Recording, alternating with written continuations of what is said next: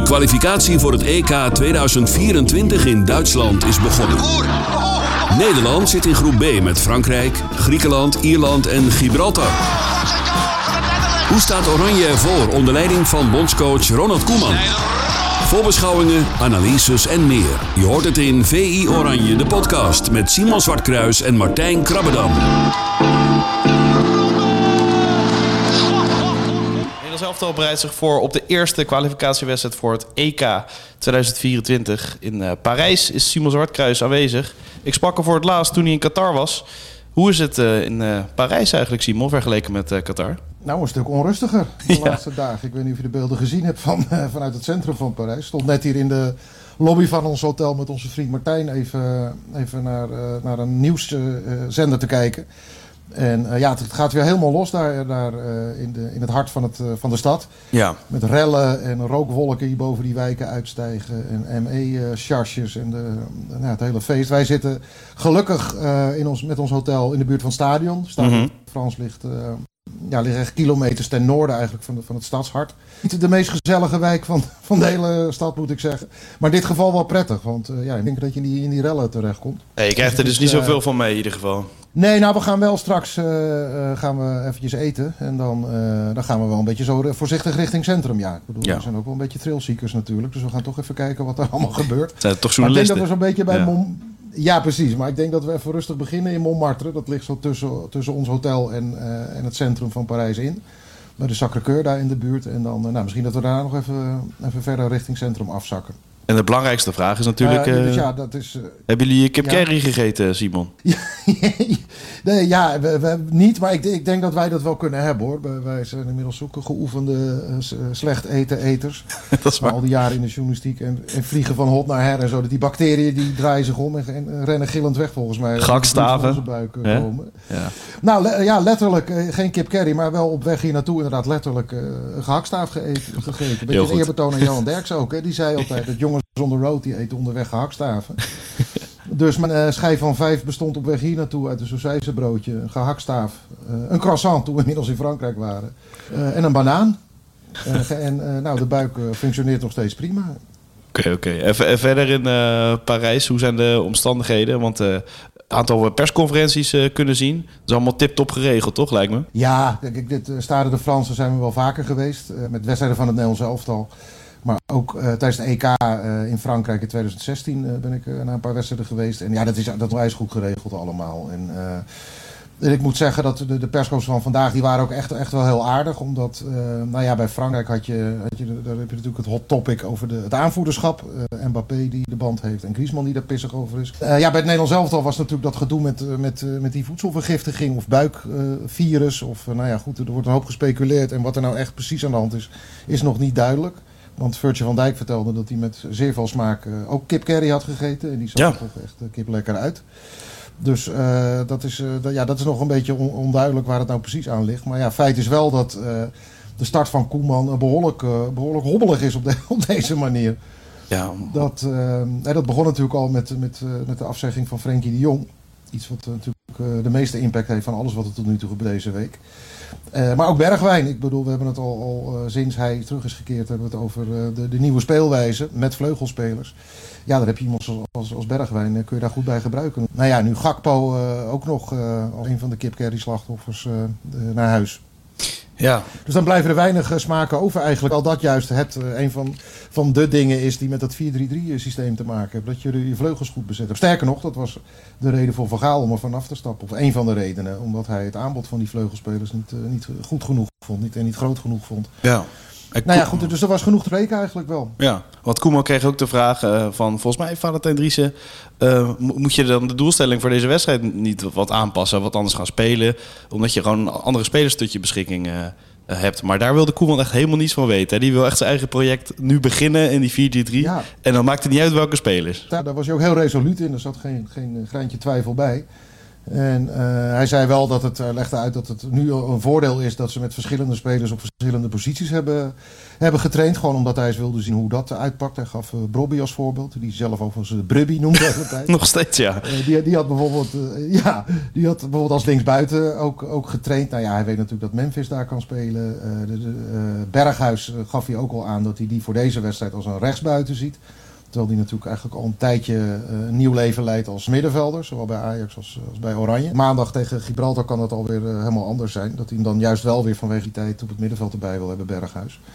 Maar ja, dat is dan nu een geluk bij een ongeluk. Dat ze al bezig waren om verschillende uh, ja, verschillende opties eigenlijk uit, uh, uit te testen. Dus iedereen die uh, op een andere plek terechtkomt tegen Frankrijk, die heeft daar dan in ieder geval op, op getraind. Stefan de Vrij is erbij gekomen. Begrijp je dat hij niet meer spelers erbij heeft genomen? Nou ja, hij legde uit dat, het, dat hij gewoon kijkt dubbele, hij wil dubbele bezetting hebben op iedere positie. Mm -hmm. En nou, voorin heeft hij nog steeds zes aanvallers. En, dus ja, dat, zo heeft hij gewoon gerekend en gekeken. gewoon alles dubbel bezet en dat is weer het, het geval nu. Dus op zich begrijp ik dat wel, ja. Ja, en dan is het heel moeilijk om te speculeren inderdaad uh, over opstellingen. Nou ja, drie echte middenvelders. Uh, Berghuis uh, zou een optie op rechts zijn. Um, ja, en als je dan ja. naar de verdediging kijkt, um, ja, is het dan logischer dat nu Timber van rechtsback naar het centrum gaat en Geert Ruijner naar rechts? Um, ja, wat is jouw verwachting? Waar, twijfelt hij over, denk je? Nou ja, kijk, uh, de Geertruida die maakt natuurlijk een ijzersterk seizoen door bij, bij, Feyenoord. En die bezit ook echt de, ja, de capaciteiten en de, specifieke uh, kwaliteiten om, om zo iemand als Mbappé te gaan bespelen. Geertruida is natuurlijk ook gewoon een hele ja, een snelle gozer, stevige gozer. Goed, uh, goed positioneel inzicht, ook, ook niet onbelangrijk tegen zo'n tegen zo'n ongrijpbare aanvaller. Um, dus ja, je kunt je ook afvragen of dat niet überhaupt al het idee was. Ja. Uh, en dan met de Licht en Van Dijk uh, in, het, uh, in het centrum. En ja, nu de Licht is weggevallen, dat daar dan inderdaad Timber in beeld komt. Nou, Nathan Ake, dat is een zeer welkome verandering bij Manchester City Ja. voor, voor, voor Koeman. Dat hij het heel erg goed doet als linksback. juist in de periode dat hij Daley Blind heeft meegedeeld dat dat niet meer de eerste optie is op die, op die positie. Dus ja, opeens heb je daar dan de backs van City en United opeens als kandidaten tot je beschikking. Ja. Waarbij AK natuurlijk uh, ja, meer ervaring heeft. En vaker op de, tegen de tegenstanders van dit soort niveau heeft, uh, heeft gespeeld. Dus daar, daar, daar, daar kan de schade dan nog wel, uh, wel, wel beperkt zijn. Ik bedoel, het allergrootste probleem is toch dat Frenkie de Jong er niet bij is. En dat was echt de wisseling van de wacht. Die wedstrijd tegen Peru destijds, waarin Wesley Sneijder zijn laatste minuten speelde en, en afscheid nam. En vanaf dat moment is, is uh, Frenkie de Jong daar op dat middenveld uh, gaan spelen. Weliswaar op een andere positie dan Snijden. Maar uh, vanaf dat moment ging het natuurlijk heel erg lopen. Dat, dat viel samen dan met, het, met de tijd dat Koeman voor ogen had hoe hij wilde gaan spelen. Ook met Oranje. Hè, na die eerste vier interlands waarin hij het ook met 5-3-2 probeerde. En in die periode daarna was, was Frenkie de Jong natuurlijk cruciaal in, ja, in, in de weder, wederopstanding van het Nederlands elftal. Ja, en die is gewoon bij Barcelona, doet hij het ook hartstikke goed dit seizoen.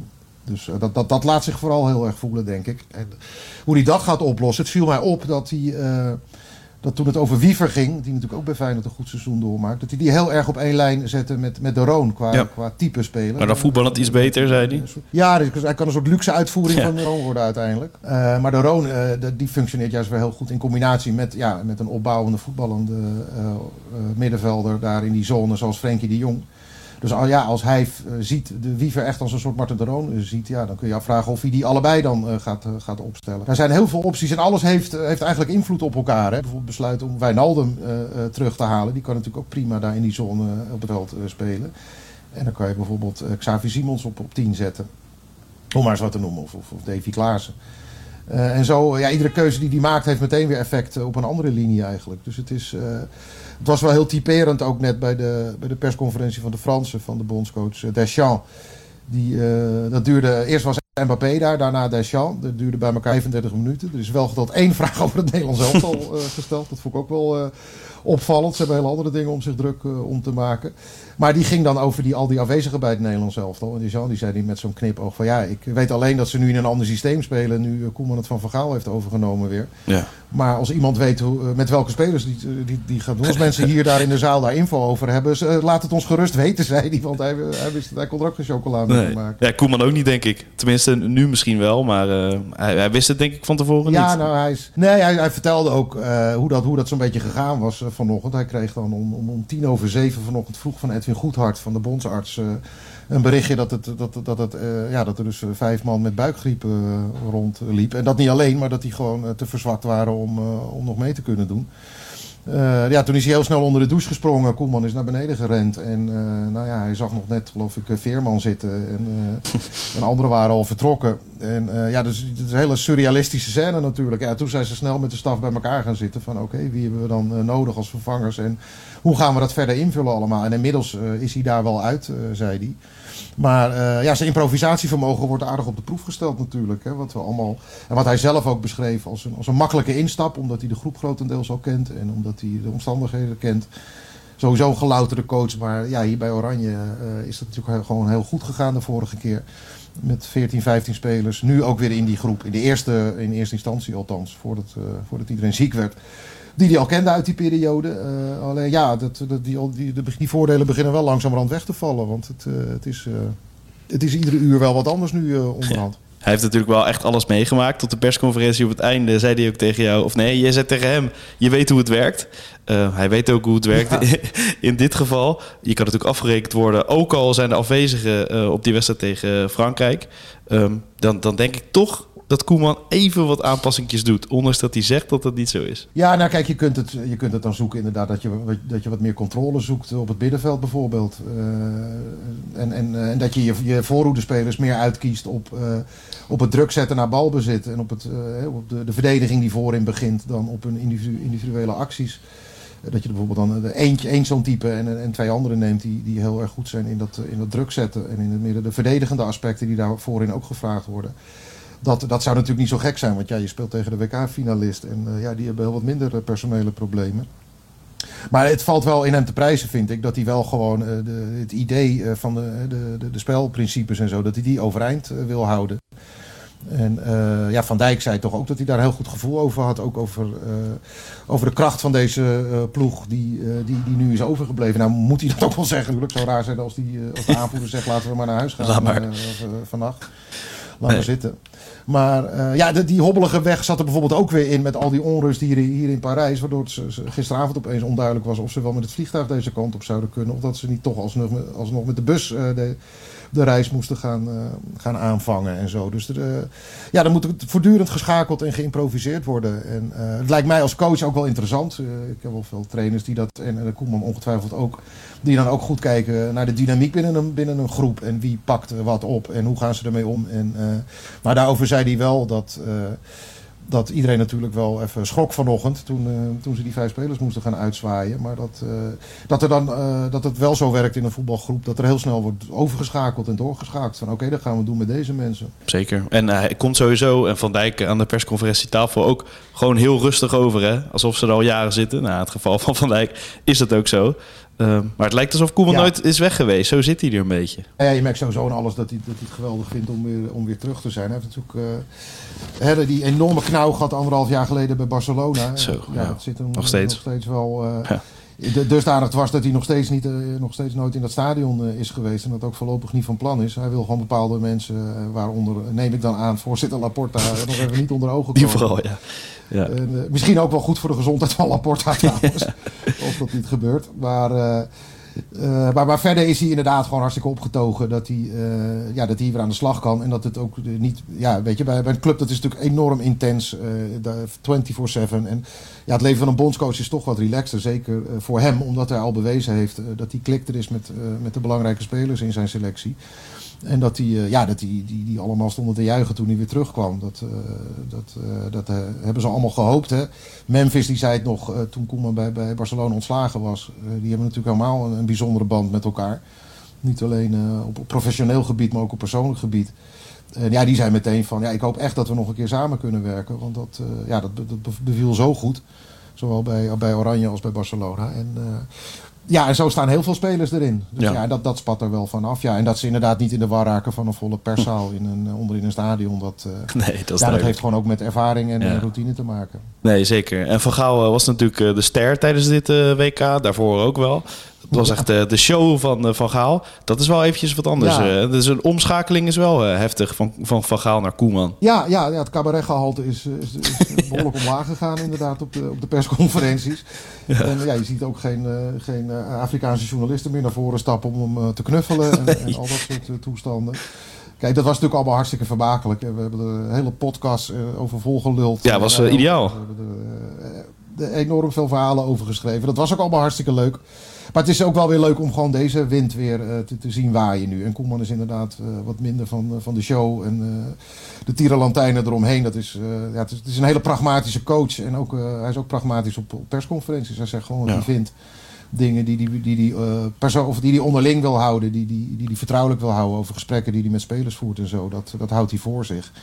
Bij Van Gaal was het toch, va toch vaak zo, dan, dan, dan uh, zei hij dat wel, van ja, dat heb ik met die en die speler besproken, dus dat blijft onder ons. En als je dan twee keer doorvroeg, dan vertelde hij alsnog wat er allemaal besproken was. Uh, of hij zei dat hij niet over individuele spelers wilde praten. En na één keer aandringen begon hij een half of een kwartier over een individuele speler te praten.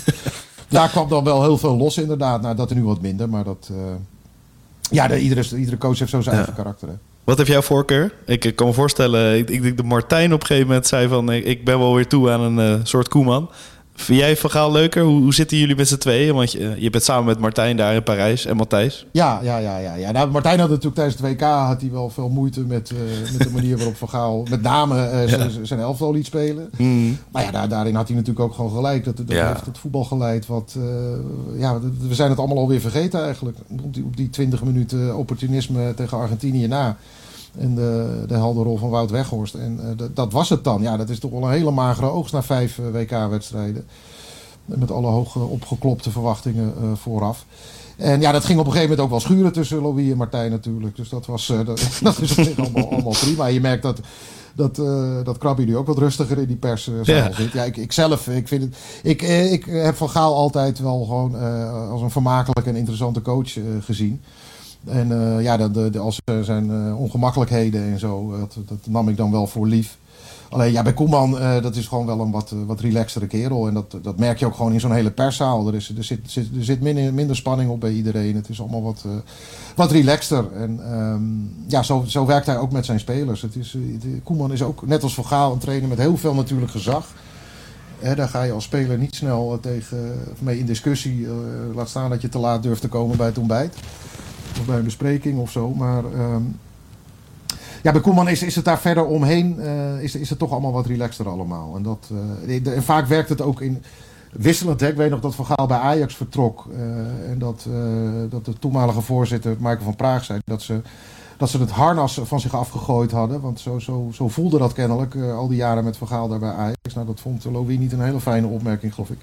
Maar ze hebben toen heel bewust gekozen voor een hele ontspannen uh, ja, mensencoach als Morton Olsen. En dat werkte onwijs goed, omdat hij de teugels juist heel erg liet vieren. En heel veel verantwoordelijkheid bij de spelers lag op, op alle vlakken, legde op alle vlakken.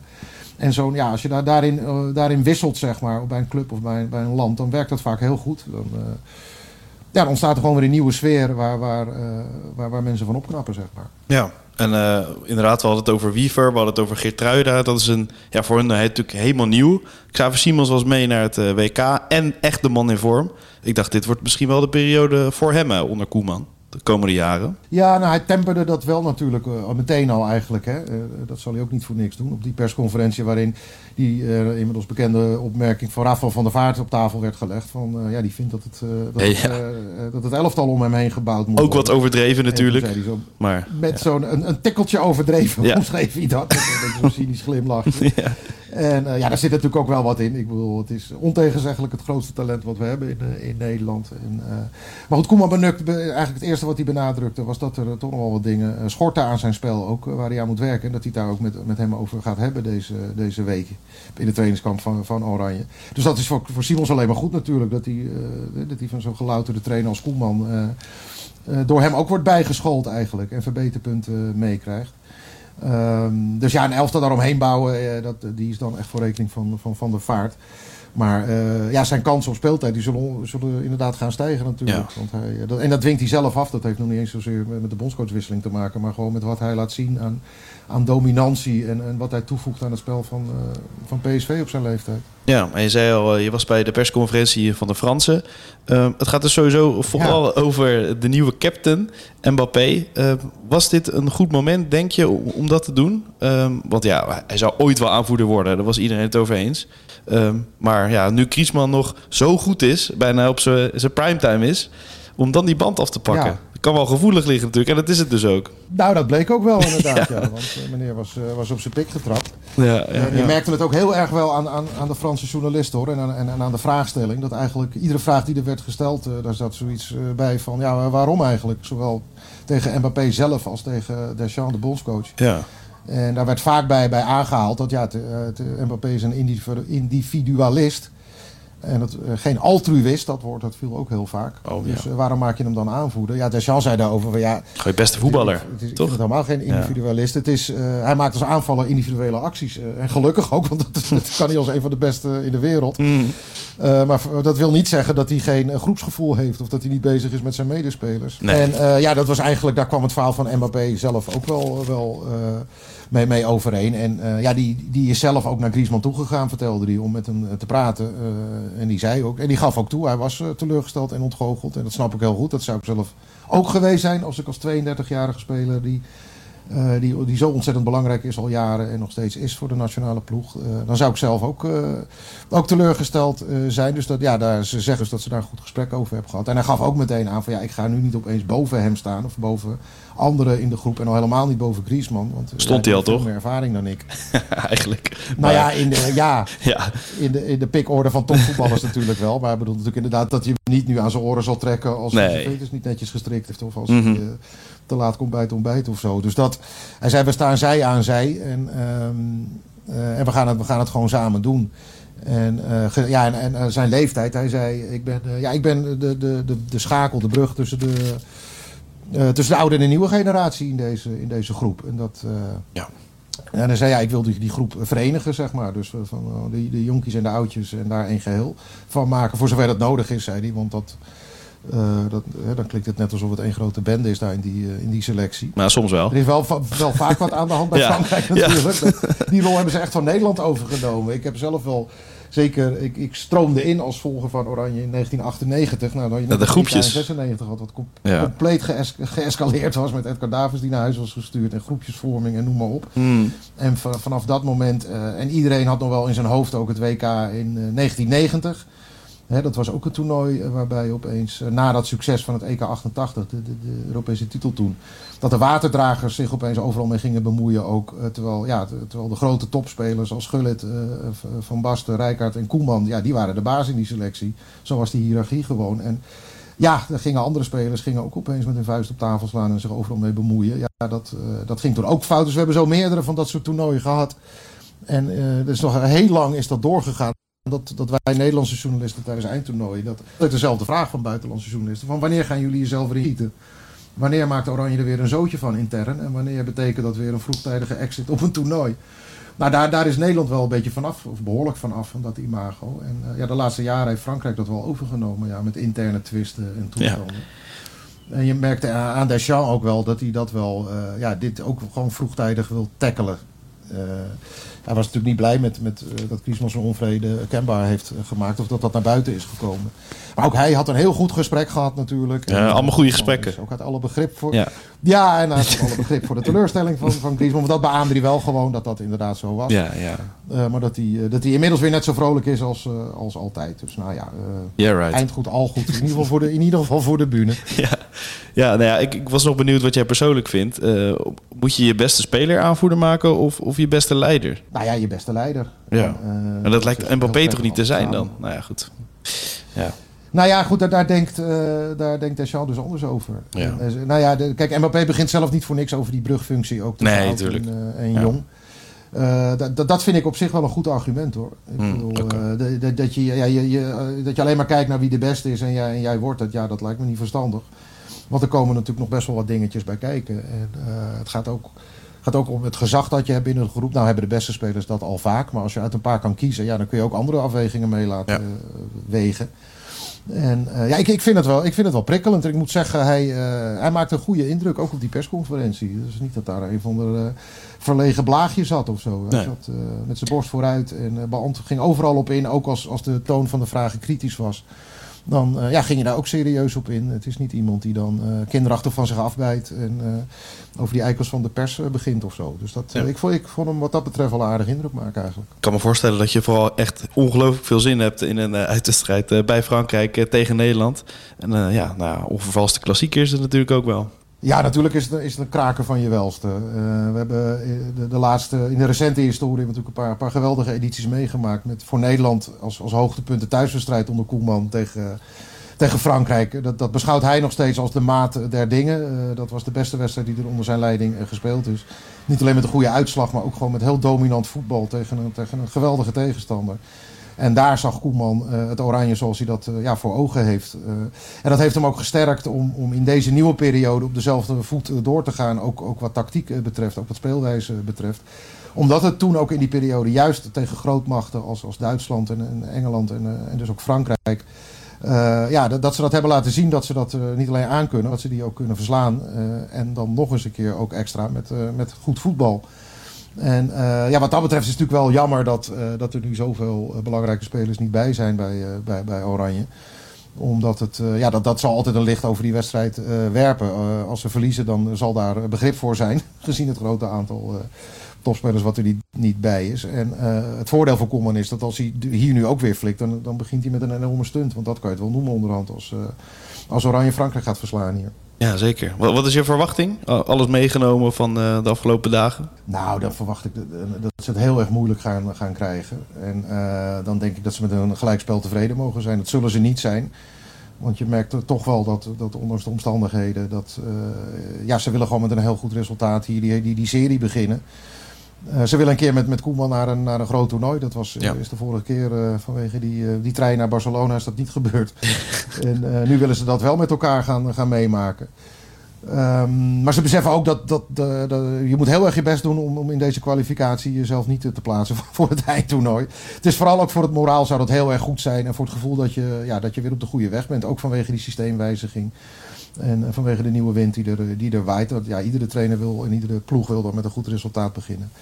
En, en zeker tegen een, eh, tegen een tegenstander als Frankrijk. Maar het zal echt heel erg moeilijk worden. Nog moeilijker dan normaal. Ja. En eh, overdag, eh, je bent in Parijs eh, met z'n tweeën, of nee, met z'n drieën eigenlijk. Ja. Ga je nu nog wat ondernemen? Wat, is- Ja. wat is de planning? Nou, dat hangt een beetje af van, van de schade van de rellen van vanavond. Ik weet niet wat er nog over is van Parijs na, na vanavond. Hoop dat ze iets overhouden voor jullie. Nou, Eén leuk barretje, dat kan er wel vanaf, hoop ik. Ja, dat zou wel, dat zou wel prettig zijn. Ja. Ja, nou, we gaan ZSM ook hier op locatie opnemen. Onze onvoltooid eh, dagelijkse rubriek die normaal vanaf de redactie komt.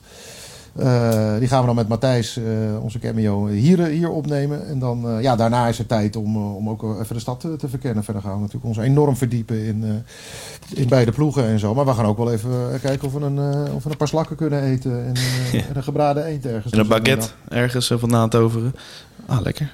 Lekker. Go- Goed En een pakketje bij het ontbijt inderdaad. en, eh, ja, nou ja, dat, dat deden we bij het WK ook altijd. We zijn, Martijn, Martijn, voor Martijn geldt dat ook en voor mij ook. We vinden het lekker om, om uren van tevoren al in een stadion eh, te zijn. Ja. Niet alleen om de file te ontlopen, maar om gewoon lekker gewoon die hele atmosfeer te absorberen als een, als een spons. En dan eh, naar zo'n wedstrijd toe te leven. En zeker hier, weet je wel. Het is echt zo'n geweldig mooi stadion. En eh, ja, de, de, de, de entourage zal fantastisch zijn. En dat, eh, ja, als je daarbij eh, kan zijn, dan wil, je dat, dan wil je daar zoveel mogelijk van opzuigen. Dus dat, we zullen op tijd die kant op gaan. Ja, en dan hoorde ik morgenavond ook na de wedstrijd nog een podcast met jullie tweeën. En die komt dan zaterdag online of in de nachten van vrijdag op zaterdag. Dus eh VE Oranje podcast is weer Ja, ja. helemaal terug. Ja, dat, leek ons leuk om inderdaad met, met de adrena- adrenaline nog pompend door de lijven om, om dan meteen op te nemen. Dus zodra we klaar zijn met alle interviewtjes en eh, dingen na afloop daar in de mixed zone en noem het allemaal maar op, dan gaan we, hobbelen we naar ons hotel terug en dan, eh, dan eh, slingeren we de apparatuur aan en dan gaan we geluid maken. Nou, top. Veel plezier Simon en ik spreek je. Terwijl, terwijl we bezig Oh, zijn, ja? letterlijk zie, ik een, zie ik een berichtje van Martin Stoker binnenkomen. Echt? Of het is een, eh, ja, het, het is een, eh, ja, het is een vind ik leuk op een, op een tweet Oh, van, van ons hier vanuit, eh, vanuit Parijs. Maar dit, misschien kun je die ook nog eventjes even Ja. porren voor, een- voor een fijne ja, we, we hebben... EK-kwalificatie jingle, of niet? Ja, we hebben inderdaad geen jingle. ehm, dus we, ja, in aanloop naar het EK moeten we inderdaad een jingle hebben. Dus ik ga Martin even een berichtje st- sturen of hij dat wil. Want hij moet natuurlijk wel tijd hebben. Maar hij, ja, onze jingleboer kan weer aan de slag inderdaad. Hij zat in, in Montreal, zag ik. Dat, Ja, dat ja. was leuk om te volgen op, eh, op, eh, op Twitter. Zeker. Maar het wordt nu weer tijd om eens een, eh, eens een mooi jingletje voor ons te produceren. Ja. Komt goed. hey, Simon. dan. Tot de volgende. Alright. Yo. De kwalificatie voor het EK 2024 in Duitsland is begonnen. Nederland zit in groep B met Frankrijk, Griekenland, Ierland en Gibraltar. Hoe staat Oranje ervoor onder leiding van bondscoach Ronald Koeman? Voorbeschouwingen, analyses en meer. Je hoort het in VI Oranje, de podcast met Simon Zwartkruis en Martijn Krabbedam.